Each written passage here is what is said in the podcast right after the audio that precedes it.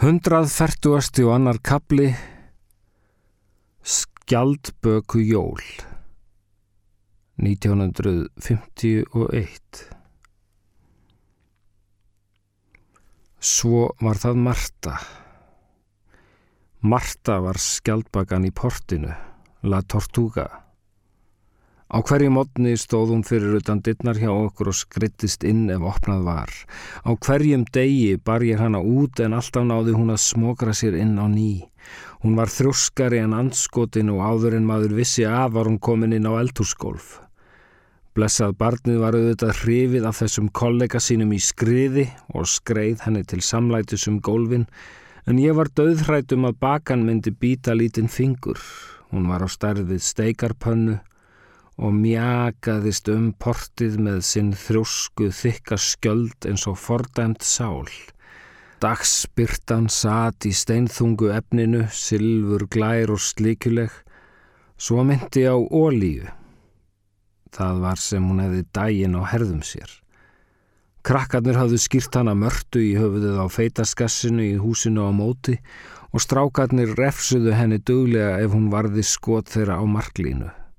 Smá börn börðu hana með prikum. Sjálfsagt var hún í leitað skjóli. Stundum vaknaði ég fyrir allar aldir við krafts hennar í þröskuldin. Á aðfangadag 1951 var mollu veður. Minn spænski Jón hafi verið þrjá dagað heimann, það átti að heita síðasti túr fyrir jól. Hann hafi lofað mér því hátilega að koma heim á þóllagsmessu.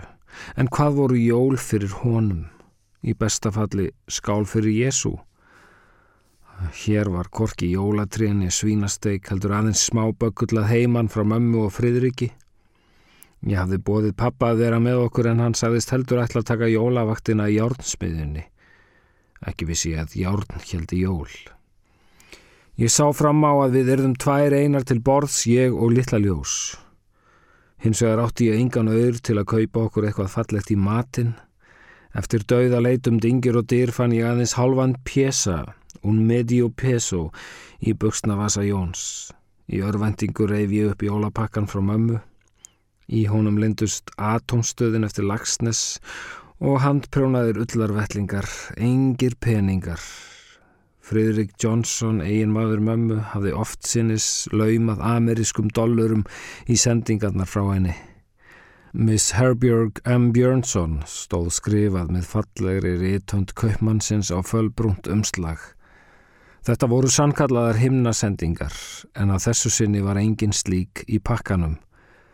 Ég rendi aftur yfir jólabrifið frá mömmu. Afi var komin heim frá London. Hann hafði dvalið þar allt haustið vegna skurðaðgerðar. Hún hefnaðist vel, saði mamma, en hann þurfti að dvelja lengi á sjúkrahúsinu einn og ömmulaus. Ég komst að því síðar hver satt þar yfir honum, hjæltum forsetans hönd og söng hann í svefn á 17 tungumálum. Annars var allt við það sama í Littlu Ameríku.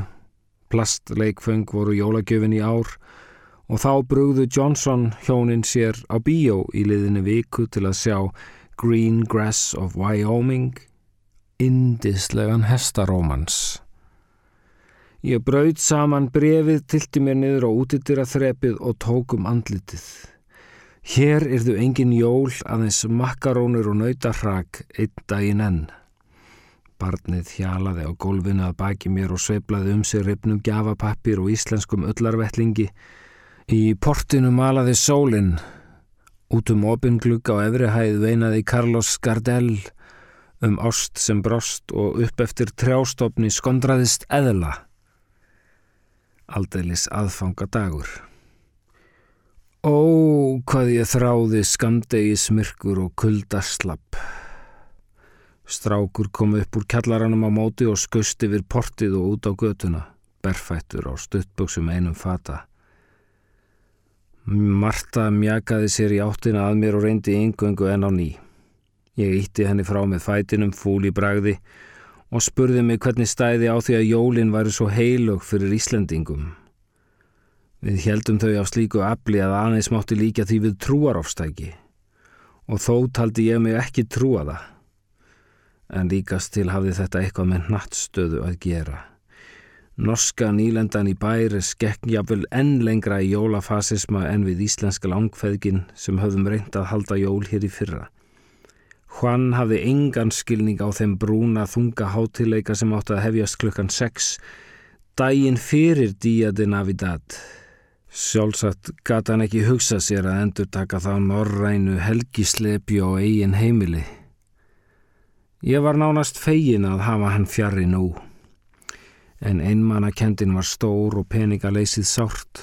Mér fannst lífið hafa yfirgefið mig og ég ákallaði mátt þess og megin að gefa mér von, en það eina sem ég fekk var skjaldbakan Marta sem nú burðaðist með skél sína fram hjá mér enn á ný.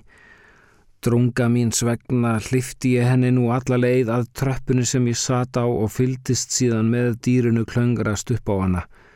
Það var nánast komíst að sjá þraud þjálfuð handtökinn Bakan myndi á óvita sem á eigin spýtur hefur þróað aðferð til að komast í bolsíuskápin. Marta fór síðan létt yfir þröskuldin og tók strikið inn gólfið. Telpan mín fagnaði henni eins og gamalli vinkonu. Matta, matta! Ég leiði þeim að spjalla á meðan ég reyndi að eiga myrkurglætu í öllu þessu mikla solskinni sem stiftist niður í portið með þykkum hita. Mér var hugsað til barnsföður míns sem bjófið sífelt myrkur og þögn og það var ekki löstið að ég öfundaði hann. Allt í hennu hyrðist Matta datt! Matta datt! Ég snýri mér við og sá að skjaldbakan lá afvelta á gólfinu við hliðin á telpunni sem hafði greinilega snúið henni á kvolf en satt nú stóreig og potaði í skelljar barminn. Skjaldböku fætur fálmöð út í loftið eins og ormar úr undirskál. Blómei gerði það sem hún helt að vinkona hennar værið að reyna en gæti ekki og klappaði saman lófunum. Ég reys á fætur og gekk til þeirra, beigði mig yfir mörtugreið og ætlaði að snúa henni við. En kom þá auga á pappirsnepil sem lá saman brotin og klístraður við hvið hannar. Það var fagur blár 500 pjessa seðill stór fjö þá sem nú. Skjaldböku guðinn hafði bænhirt mig. Um kvöldið held ég þau bestu jól sem ég átti um dagana. Við sátum saman þrjár ólíkar konur og heldum íslenski jól í opnheitu húsbraki á söður kveli. Átján mánada gummul dóttir mín, 22 ég og 63 ára gummul skjaldbaka. Í teilefni dagsins lifti ég mörtu upp á borð og bar fyrir hana dýrindis mango og avokado. Hún jafnlaði okkur til samlætis og ég skálaði við þær í sílesku eðalvíni yfir piparsteik af pömpunni. Og eftir matinn söng ég heimsum ból fyrir þær stöllur með minni laglausu rött. Hundrað færtugasti og þriði kapli Café de Flores 1952 Pappi leiði herbergi hjá þískri frú sem enn barð sigur von í brjósti og blótaði Hitler á laun. Hann yfti til mín aukslum vandræðalegur þegar kerla með stálbrjóst á blómótum kjól síndi mér hljómplötu með ræðum fóringjans. Það var í einu heimsókn okkar blómegar til hans. Hann sæði mér síðar að frúin hefði bóðið honum vellaunað skrifborstarf fyrir nazista samfélagið í Argentínu en hann afþakkað. Fadur minn hafði vist dreyið hann lærdóm af þáttöku sinni í setni heimstyrjöldinni að best væri að halda sig fjari þeim ágæta selskap. Hann held að mestu til í jártsmiðjunni og lifði einföldu lífi en let mig vita rækist hann á frægan mann á götu. Eitt sinn var hann á gangi í Palomarkverfinu sá forsetahjónin fara hjá í bíl og livði lengi á því. Ég horfðist í augu við sjálfan Juan Perón. Jável vetur í fangabúðum rússa hafði ekki náða að lækna úr honum leiðtoga lömunina. Valdsveikin var hans holdsveiki. Eftir skjaldbökujólinn fekk Afi óvænt hjarta áfall og dó í janúar 1952.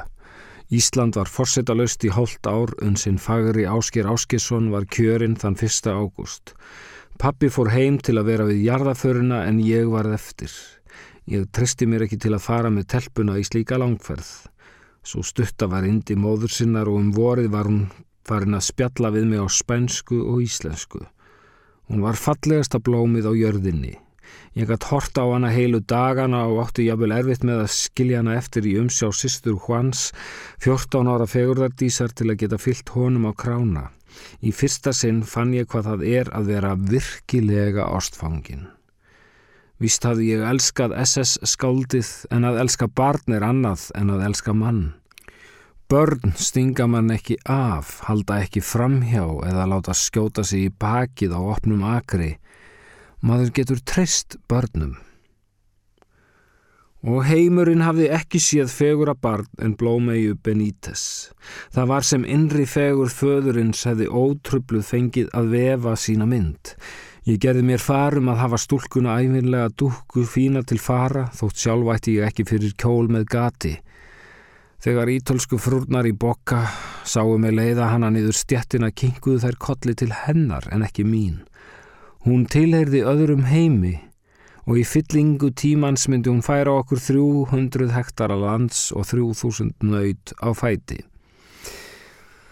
Þann fyrsta mæ blésu perónhjónin til gríðalegs útifundar í miðbænum. Fólkið fyllt í göturnar.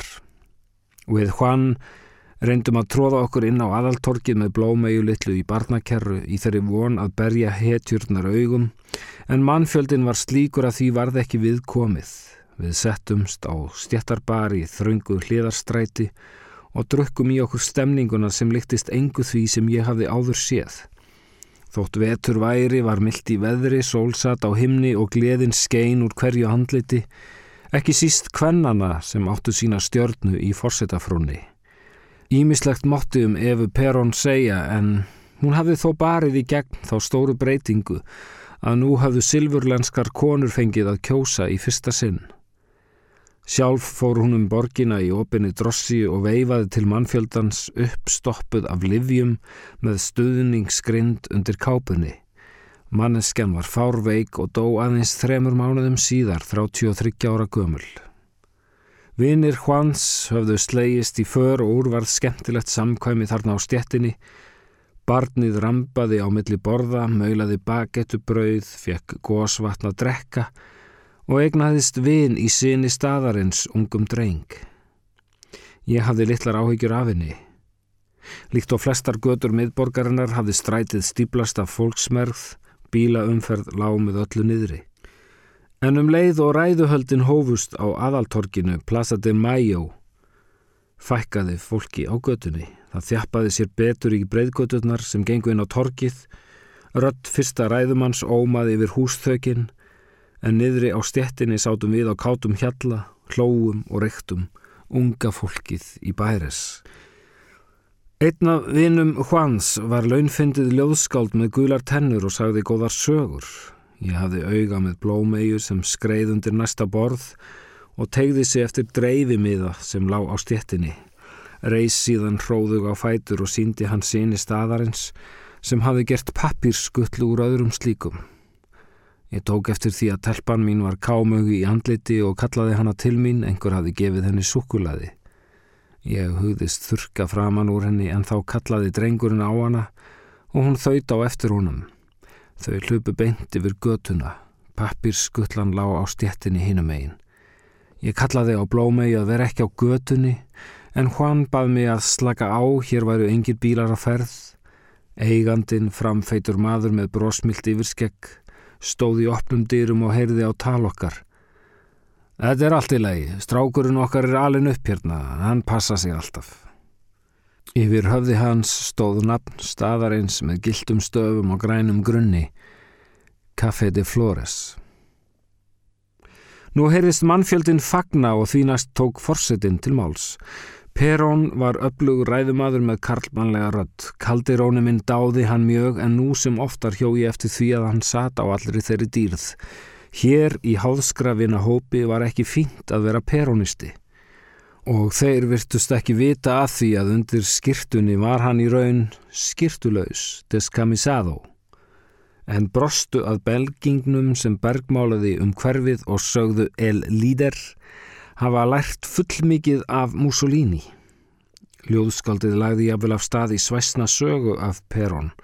Hvort sem sönn var ykt eða upplógin var hún stórfindin. Hvann hagræti alpahúfinni og hallaði sér aftur í stólnum, rauðvins sætur en órólegur til augna. Og allt í einu fór hann svona líka í taugarnar á mér. Allt sem hann sagði heima var horfið hér. Blómei kom til mín og hafi lært að nefna nýja leikfangið Avión de Papel Ég náði að þurka henni um munnin og misti fyrir vikið af einum brandara í sögu skáldsins. Þá fann hún annan dreifi miða og bað mig að gera fyrir sig enn eina skuttlu. Hvann tók það að sér fegin að komast undan sögunni af forsetanum og brauð pappirinn saman skjálfendur. Skuttlaði síðan flögin út á göduna í fáti og vittlausu um leið og ég beiti í tungun á mér. Blómei skoppaði á eftir henni og reyndi að skuttla henni tilbaka til okkar en flugvilinn svo stakst beint á nefið. Perón laug ræðu sinni og hrypningarópin glumdu um torg og garda. Síðan var sem vindur fættist í hverju horni. Það var lítið leið að lýsa því en um hverfið, götuna, borgina fór ráfmagnaður ströymur eftir vendingar. Engur hafði kveikt á útarfsviðtæki inn á barnum, þölur heyrðist segja nafn fórsetafrúarinnar sem bergmálaði síðan í hverjum munni allt út á stjett. Hún er að fara að byrja. Jafnvel Juan og félagar hans skiptu háðsglottunum út fyrir einhverja tegunda virðingarsvip. Egu ekki að reyna að hlusta á hana, sagði eitt þeirra. Ég leiti augun á kaldaróna og sá sem var að hann satt hér með tóma vasa. Af kvektu stolti stóð ég snögt upp og sagðist myndi borga borðið skustinn á bardjúpan staðinn. Ég átti ennþá sex mánuðum eftir jól, örlítið eftir af öllum þeim peningum sem skjaldbakan Marta hafi borið inn í húskofan okkar á aðfangadag. Ég hafði rétt náð inn að barborðinu þegar ég heyrði ding að baki mér. Þegar ég heyrði vélarhljóð utan af götunni og þennan hryllilega ding. Ég sneri mér við og blindaðist eitt augnablík. Nokkur andartök liðu áður en solbjört mynd af borðum stjett og stræti framkallaðist inn á dimman staðin og þá sá ég að í henni miðri satt bifreið amerisk drossja. Maður með ljósan hatt hafði stíð út úr henni. Ég hraðaði mér út, kom auga á hvann, bogra yfir einhverju framann við bílinn og sá svo það sem ég hef séð á hverjum degi allar götur síðan stúlkuna mína á strætinu og ströymin frá höfði hennar, glampandi í sólskininu, brosið horfið. Það var erfiðast að sjá svipin á henni, nær tveggja ára barni sem mætir skapara sínum. Hann var æðrulaus, alvarlegur, fullur lotningar, hún var horfin í annan heim. Ég ítti hvann þegar frá, lauti við barnið og störlaðist á sál og hjarta. Ljóðskaldið vinur hans lauti við litla hönd og hristi hausinn. Hvann tók utanum mig aftan frá og það síðasta sem ég sá var stöðari bílsins. Gljáfægður krómlitur amerískur stöðari. Sólinn glampaði í honum og skuggar fólksins tegðu úr sér á langveginn. Hægra megin við númeraplötuna kom ég auga á fjölda hórfítna dökkra drópa sem syndraði á í sólskinninu og myndu á hundrað smáar eigjar á víðum fyrði. Í fáti hóf ég að leita þeirra sem ég þekkti best, þar sem amma bjó enn, en var dáinn áður en mér tókst það. Ég fættist ekki aftur fyrir en tveimur tímum síðar, til annars lífs en ég hafði áður þekkt, lífs nummer sjö. Hundrað færtugasti og fjórði kapli Undur og Ívan 2009 Æ, upp með djöful og druss. Ég nenn ekki að hanga hér öllu lengur í sæng. Það skildi þó aldrei vera að ég færi hérðan fótgangandi eða er ekki döðinægt í hress og lausu sjúkdóma. Álvarnir í klettunum heima voru allir sannir íþróttamenn og fóru handahlaupum til vinnu sent á kvöldin til starfa í nátthögum Íslands. Æ og því líkt í nótt sem leiði dremdi mig fóringjan með hönd á lofti, fingurstóran á steini í lendingunni heima í Svefnó þrumandi út yfir þangfjörur og þara svo kemur hún skinnið inn úr deginum og inn í hugan minn lóa og hefur dreyið með sér lagskráðan són minn dund og dívan Magnús minn, ertu komin? Já, hvernig hefur það?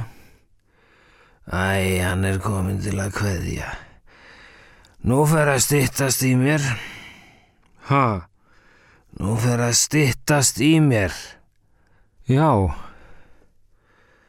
Þetta er allt saman Hitler að kenna. hvað segiru? Hvað er hann á ný? Ég er farin að sjá mjög illa.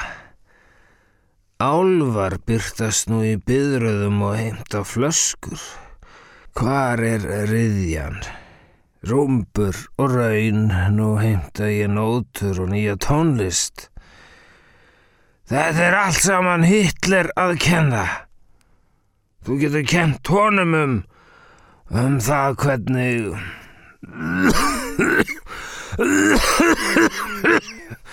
Hér komu hóstar og fleiri hóstar. Æ, dauðans tabl og dreisa, nú heimtaðir allir flöskur, heimta flöskur. Mamma, Og gerist nú margt í einu, ég missi fjórðunga viti og Dóra mín dæli sér inn í skúrin, heilsar fólki, skellir hurð og fer með óðamál. Hvort ég þekki Ástrala, mann frá Ástralíu sem barið hefur utan húsið alla helgina nú síðust í morgun, stór og mikill römur. Alltaf því tröll. Með fótsvera handlegin höfuð smátt og hári ljóst og heimtar Lindu, vill tala við Lindu. Hann viti vel að hún búi hér því tölvan hennar sé hér. Vildi sjá henni í herbergin öll, leitaði undir rúmum líkt og lögga, lagðist í golf og var heitur vel í máli jamt sem á búkin. Hún þurfti að þurka eftir hann parkett með þurrum klút. það laka á honum svitin, hann var alveg blöytur á bakinu. Það er bot. Ha, Segðu honum að Linda sér flutt. Linda, hver er Linda? The lady inside. Og svo dimmir aftur í höfði og jæljar fyrir eirun. Ég horfi á hana dóru mína strand brúna með bleika vör en heyri ekkert í henni, bara fylgist með henni, hreyfa munnin og lóu líka, líkt og í þögulli kvikmynd. Er hirtin þá farin? En Maggi minn sittur þarna saman hrunin og fer með yðrunar sálma eins og útrásar vikingur á tröppum vítis. Hann gappaði 1500 manns í eigin nafni, risti þeim skuldir herren húsin og hirti svo af þeim bílinn. Þú verður að tala við það, fólkið, verður að tala við það, segi ég loks þegar heyrnin kemur aftur. Þó er röttin neðan sjávar en eirun ofan. ha, Ferðu inn heldurðu? spyr ég gömul neysa. inn? Já, ég fangelsi. Nei, ég, ég var náttúrulega bara starfsmaður. Bakara sveitni sveika millu. Já, Þér kippir í kynið. Það er allt saman Hitler að kenna. bankarhunnið. Já, það líka. Síðan þögn sem er sérlega einkennileg þar sem Dóra, sá mikli málshefjandi, er á staðnum. Uh, Gott, gott að sjá því, mamma. segir hann loks. Berðu kveðju til Halla og Óla. Segðu þeim að móðir þeirra hafi verið öll að vilja gerð, en áttunda lífið leiði bara ekki meir, meira. Og þarna fekk ég eitt heftalegt hóstakast sem ég láði bana, en rjátlaðist saman á ný. Þú Maggi minn, þú, þú segir þeim að skella því á, á, á Hitler. Hann er okkar tíma Kristur og tekur hann þá við. Að þessu loknu við ekki enn annað óstakastin. Fyrir eitthvað það eldri vilja tókst mér að lifa það líka. Lífið ætlaði að gefa mér klukkutíma í viðbót. Ég ákvaði að nýta hann vel og fór nú að segja þeim sögu. Söguna af pappa í Sovjet.